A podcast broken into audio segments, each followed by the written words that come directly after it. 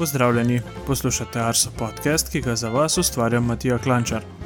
V srednji temi se bomo danes pogovarjali z nagrajenci letošnjega hekatona, kjer smo vsebinsko sodelovali tudi mi. Z mano se bodo pogovarjali ekipa Smrkci. Na koncu še pogled v diplomsko delo Urbana Žagarja, ki je bilo snežno obarvano. Naročite se na naš podcast, v stik z nami pa lahko stopite preko elektronskega naslova podcast.arsoafnago.com ali preko družabnih omrežij. Na Twitterju smo Meteo vsi, na Facebooku pa smo Arso Vreme. Vremenska uganka. Po rezultatih sodeč uganka izpred 14 dni ni bila pretežka. Kratica GAFOR pomeni splošno letalsko napoved oziroma s prevodom v angleščino General Aviation Forecast. Tokratno vprašanje ne bo tipična uganka, Glede na to, da ob poslušanju te epizode podcasta verjetno že vidite, da meteorološko zimo pričenjamo s sneženjem, nas zanima naslednje: kakšna bo višina snežne vdeje v petek zjutraj ob 7. uri na postaji Ljubljana Bežigrad? Svoje napovedi nam pustite v komentarjih na Facebooku, na Twitterju ali pa nam napoved pošljite po elektronskem naslovu podcast.arso.afna.gov.si. Osrednja tema. Tokratna osrednja tema bo namenjena udeležencem letošnjega hekatona Življenje s podnebnimi spremembami. V tej epizodi se bo predstavila ekipa Smrkci, ki je na koncu osvojila tretje mesto. Uh, pozdravljeni vsi skupaj. Pozdravljeni. Pozdravljeni. Uh, na začetku vas bom uh, povabil, v bistvu, da se kratko predstavite. Mogoče za začetek, zakaj ekipa Smrkci? Kdo se bo upogumil? Um, v bistvu, ja, um, naše ime, ekipa Smrkci, je bila dorečena čez zadnji trenutek. Najprej smo imeli neko drugo ime, ampak smo ugotovili, da je tisto ime, ki smo ga imeli prej, bilo predvsem preveč zakomplicirano in da bi lahko pri glasovanju povzročilo težave, tako da smo na neki bolj enostavnega pol šli. Nekaj tazga, kar vsi poznajo, smo rekli Smrkci, to je nekaj tazga, kar verjamemo, da vsi vejo, kaj je. Tako da očitno vam je ta, to ime tudi na koncu preneslo. Uh, boljšo vrstitev, mogoče. Okay, eh, če se na začetku malo predstavite, danes vas je pet, tukaj skupaj, to se pravi celotna ekipa, pa bi kar Gašper lahko začel. Ja, uh, živijo, jaz sem Gašper zdaj. Uh, jaz sem sodeloval v ekipi pač čist uh, vse stransko, uh, vsem sem pomagal, kar se je dal. Drugače po stroki sem farmaceut, tako da sva jaz pa Gaja, recimo, um, se pridružila tako malo z naravoslovnega vidika, da lahko pomagamo s kakšnimi idejami, pa so pa pomagala, kjer je bila možnost. No, pa Gaja, potem kar nadaljuj, kot je, kot je Gašper že omenil. Ja, živijo, jaz sem pa Gaja in uh, študiram veterino v Zagrebu. Uh, sicer sem pa v našem timu skrbela za dizajn um, in v bistvu narisala te glavne junake naše igrice.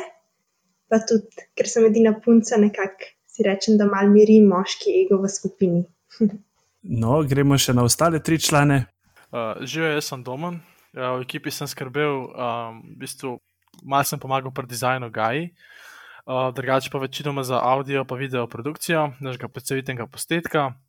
Poskrbel sem za naš PowerPoint, uh, v bistvu pa ja, to je to. V bistvu sem študent uh, na fakulteti za informacijske študije, študiram pa računalništvo in spletne tehnologije. Andraš? Sem pa Andraš in študiram računalništvo in informatiko na Ljubljanski univerzi. Pri tem hekatonu sem pa v bistvu bil glavni programer v bistvu, ne, in sem naredil to aplikacijo, katere demo lahko tudi zdaj še vedno presnamete iz uh, naše spletne strani. Če pa je seveda kdo še kaj potreboval pri drugih področjih, sem pa tudi tam pomagal. So pa tudi meni, seveda, vsi pomagali z dizajnom in z postavitvijo, tako da sem jaz v bistvu res samo naprogramiral vse ideje, ki so jih imeli. Ok, Mateoš. Jaz sem Mateoš, študiram fiziko. Na tem hekatonu pa sem skrbel več ali manj za komunikacijo med ekipo, um, med ekipo in uh, mentori, in na koncu sem tudi skrbel za predstavitev končnega produkta. Pa vmes, um, če kdo je rabo kakšno pomoč, sem priskočil zraven in pomagal po svojih najboljših močeh. Odlično, kot smo zdaj slišali, ste v bistvu z ekipo kar pokrili uh, dosta različnih področji, kar je verjetno tudi uh, uh, končen doprinos k uspehu. Uh, zdaj me pa zanima, če ste že večkrat sodelovali na hekatonu ali je to bila vaša prva udeležba, Gašpr, mogoče. Uh, jaz specifično sem se letos uh, prvič udeležil v skupini, uh, so pa, uh, mislim, da so bili Matejš, pa Domen, pa Andraš, so pa že na vseh prejšnjih hekatonih sodelovali, če se ne motim, ali zadnje dva. Uh, zdaj to je bil naš tretji. Ja. Ja, jaz sem pa v bistvu tudi čist nova v tem letos. Mogoče lahko še dodaš, kako si se počutila v bistvu na tem hekatonu, kako ti je bilo? Dobro, zanimivo je bilo um, tudi dejansko v akciji videti, kako se dogajajo stvari, kar prej sem pa iz ozadja gledala. Um, tako da ja. Domen, kaj vas je pa sploh pritegnilo k sodelovanju, da ste se odločili? Uh, verjetno ti, kot uh, ti si rekel, drugač, da si se že v, uh, uh, na prejšnje hekatone prijavil. Uh, res je, mi smo že leta, mislim, da 2018, ki je bil prvi tak Hackathon takrat je bil glavni, mislim, da glavni, ki so organizirali, so bili ministrstvo za kulturo. Um, smo se odločili z, z Matežom in Dražom, ki smo prijatelji iz gimnazije, da gremo pač proba, da vidimo, kako delujemo kot ekipa. Smo ugotovili, da nam gre v bistvu zelo, zelo dobro, da se pač razumemo, da vemo, kaj kdo kaj dela, katera znanja pokriva. Um, ta izkušnja nam je bila zelo všeč, zato smo tudi lani ponovili, uh, smo šli tudi na, na hackathon smo tudi osvojili drugo mesto na prvem in drugem hekatonu. Um, tako da v bistvu smo se vračali samo za nove izkušnje, tudi radi delamo skupaj, radi delamo na novih projektih in to je to. Super. Andraš, eh, zdaj me pa zanima, če ste za ta hekaton že imeli prej kakšno idejo ali ste jo razvijali direktno med samim tekmovanjem? V bistvu nismo imeli ideje, imeli smo samo smer, v katero bi radi šli, in to smo se tudi mislim, da potem nekako. Um, Mogoče na enem sestanku ali pa dveh pred samim hekatonom dobili, in tako smo se to zmenili. In na, na sam hekaton, se pravi na dva dni, smo pa takrat v bistvu samo um, dopolnjevali te naše ideje, pa uh, šli v to smer, in na koncu tudi, seveda, naredili ta produkt, oziroma to, kar smo naredili. Uh mhm. -huh. Gaja, ste imeli med uh, tekmovanjem mogoče kakšne probleme, v bistvu samo s časom, pa da smo radi malo, um, kako bi rekla, tens, uh, stresirani. Ampak če ne, pa mislim, da smo zelo dober tim in smo dobro sodelovali. Ok, ste v bistvu programirali tudi uh, čez celotno noč, ali ste šli vmes kaj, uh, kakšno kitico uh, počivati? Ne, vmes smo definitivno šli tudi počivati, um, ker če ne, ne bi prebrodili tega, ker smo pa res cel dan že od 8 do, po moje, dveh po noči delali. Jaz sem imel slabo izkušnjo s tem uh, brodenjem skozi noč na drugem hekatonu, sem šel prepozno spat in nisem dobil place za spat. Sem sedel celo noč in delal. Um, okay. ja. Še kdo drug, mogoče kakšna slaba izkušnja? Ne, mislim, da sem se kar lepo naspal tokrat. Matej, lahko mogoče potem poveš, kaj je bil vaš končni produkt? Uh, ja, na koncu smo v bistvu naredili neko aplikacijo, ki je namenjena, naš glavni cilj je narediti neko aplikacijo, ki bo pokrila najširšo možno publiko. In v bistvu ta aplikacija daje neke take uporabne nasvete, kako se rešiti pred kakšnimi naravnimi katastrofami, kot so poplave, požari in potresi. Uh, te nasvete daje na takšen dokaj enostaven način, da si jih lahko vsak prebere, vsak razume. Istočasno ima dodatno funkcijo, da tiste, ki pač te osnovne nasvete že pozna, da izve kaj več o njih. Hkrati pa smo pomislili, da verjetno nek otrok ne bo šel brati nekih uh, tekstov, ne bo šel gledati nekih piktogramov, pa verjetno raje igral kakšno igrico. Zato smo v bistvu za njih naredili tudi uh, igrico z različnimi scenami, recimo kako se pravilno rešiti iz goreče hiše, kako se rešiti pred poplavami. Uh, dodali smo pa tudi polnoter, uh, ne samo kako se reševati, ko je že nastal problem, ampak tudi razne svete za ohranjanje okolja in v bistvu preprečevanje vseh teh naravnih katastrof. Um, naši poslušalci si bodo v bistvu tudi to gradivo, ki ste ga pripravili, oziroma aplikacijo, ki ste jo pripravili, uh, bodo imeli možnost uh, si tudi naložiti.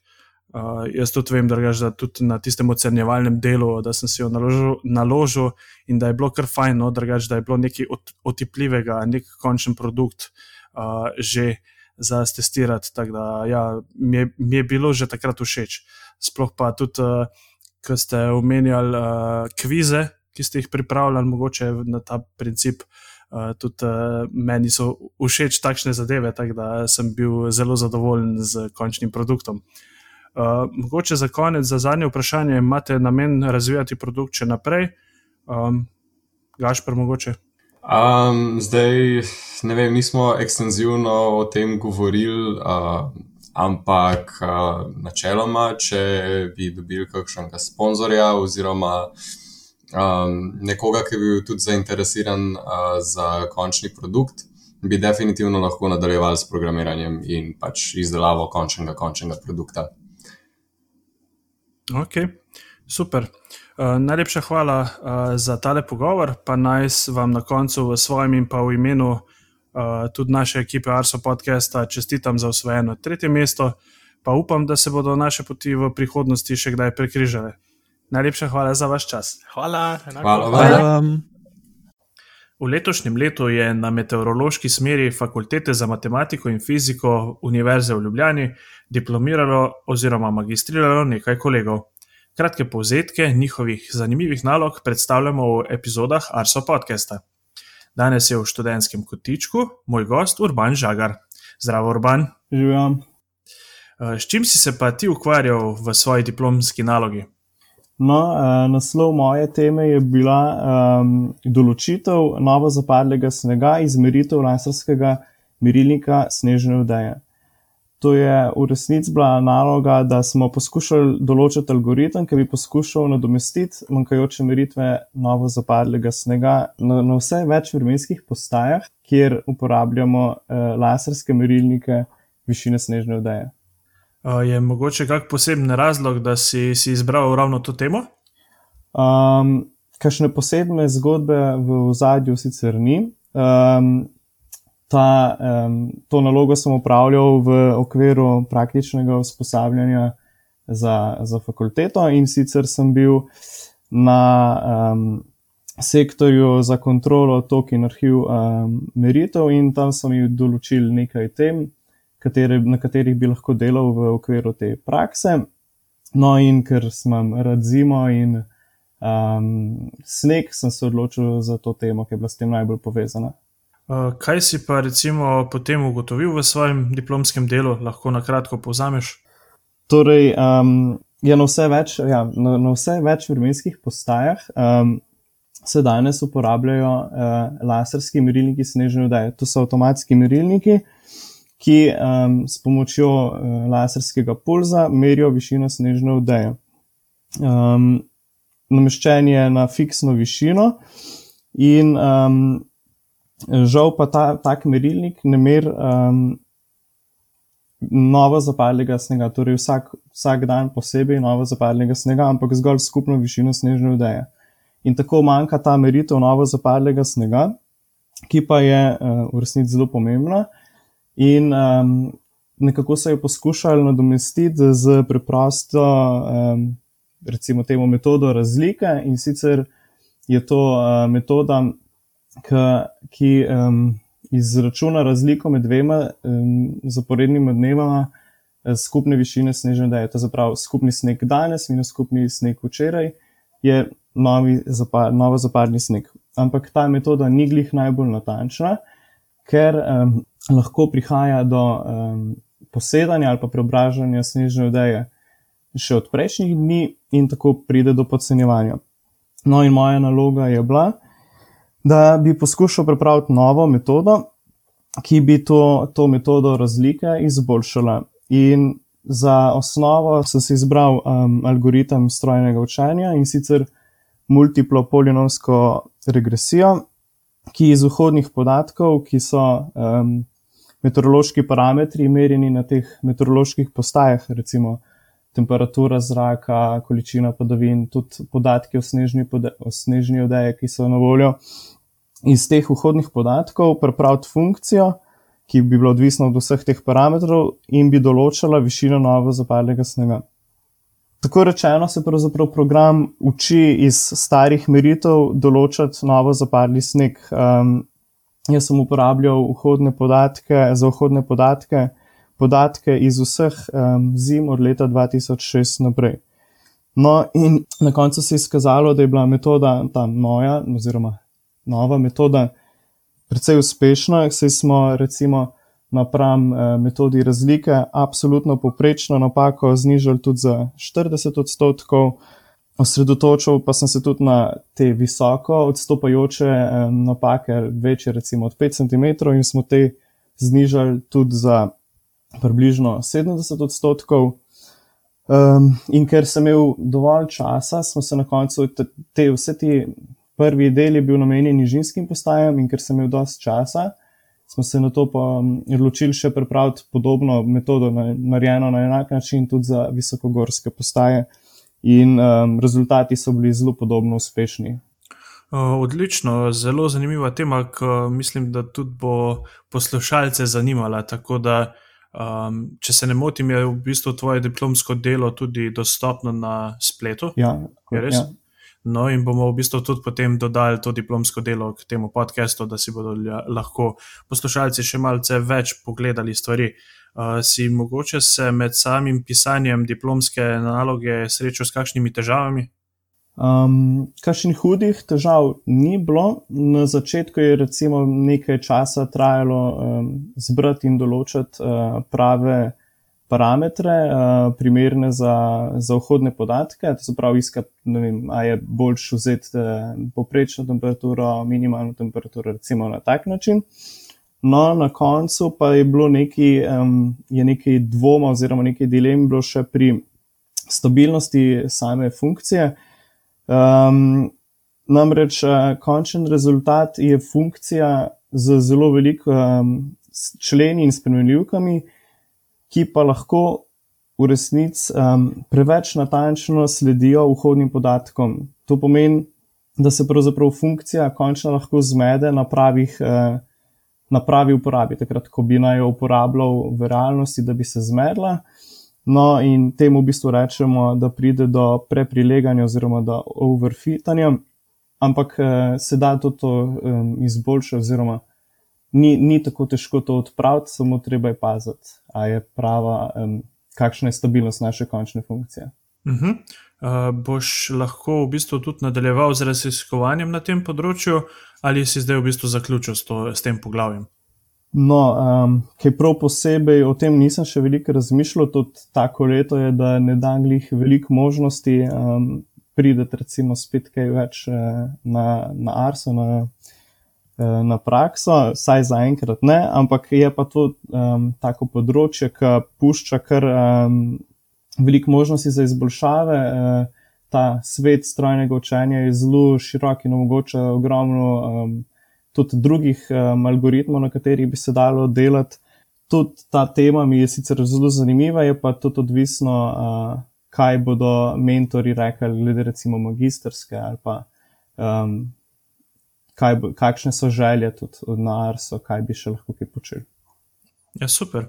Urban, najlepša hvala za tvoj čas in za pogovor, pa naj ti na tem mestu v svojem in pa imenu celotne ekipe Arso podcasta čestitam za uspešno upravljeno uh, diplomsko delo.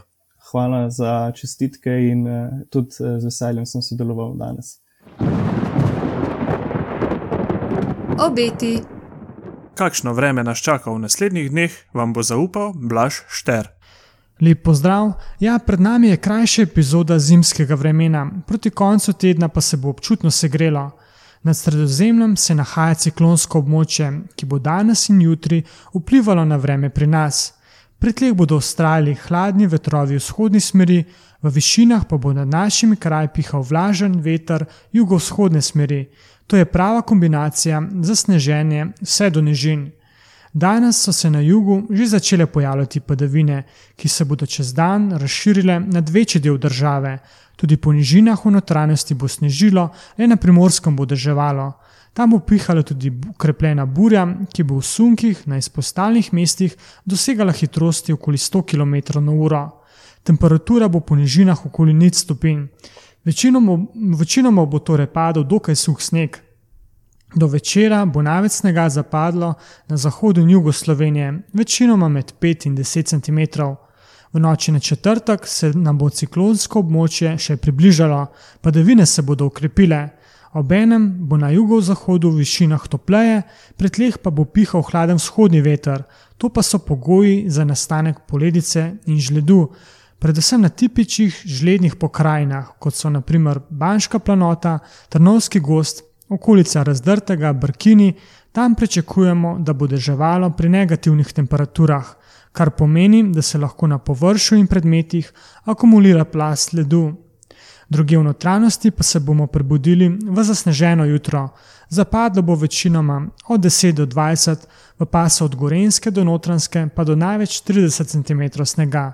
Manj snega, okoli, okoli 5 cm, bo na skrajnem vzhodu Slovenije. V četrtek bodo padavine večinoma že ponehale, občasno se bodo pojavljale le na vzhodu Slovenije, kjer bo rahel sneg prehajal v dež.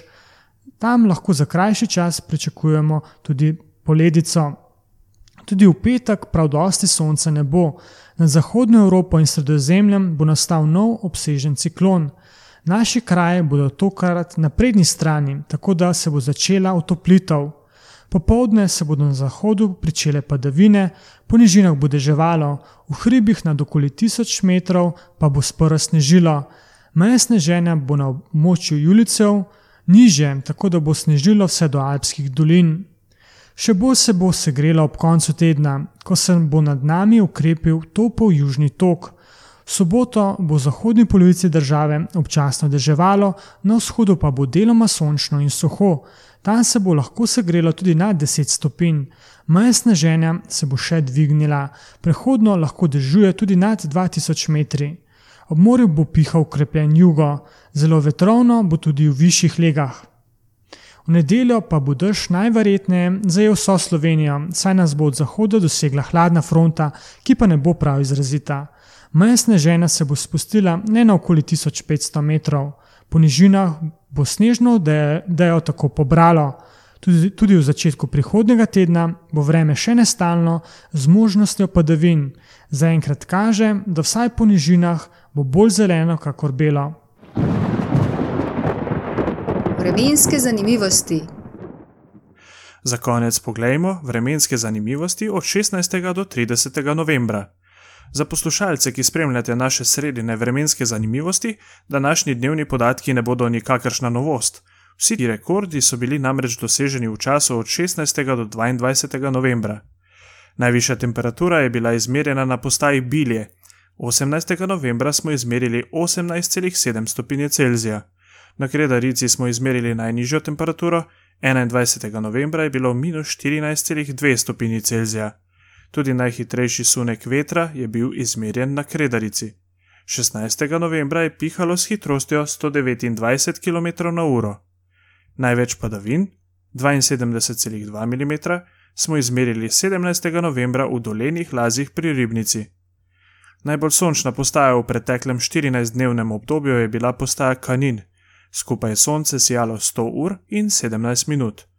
Najbolj sončen dan pa je bil 18. novembra na postaji Slavnik.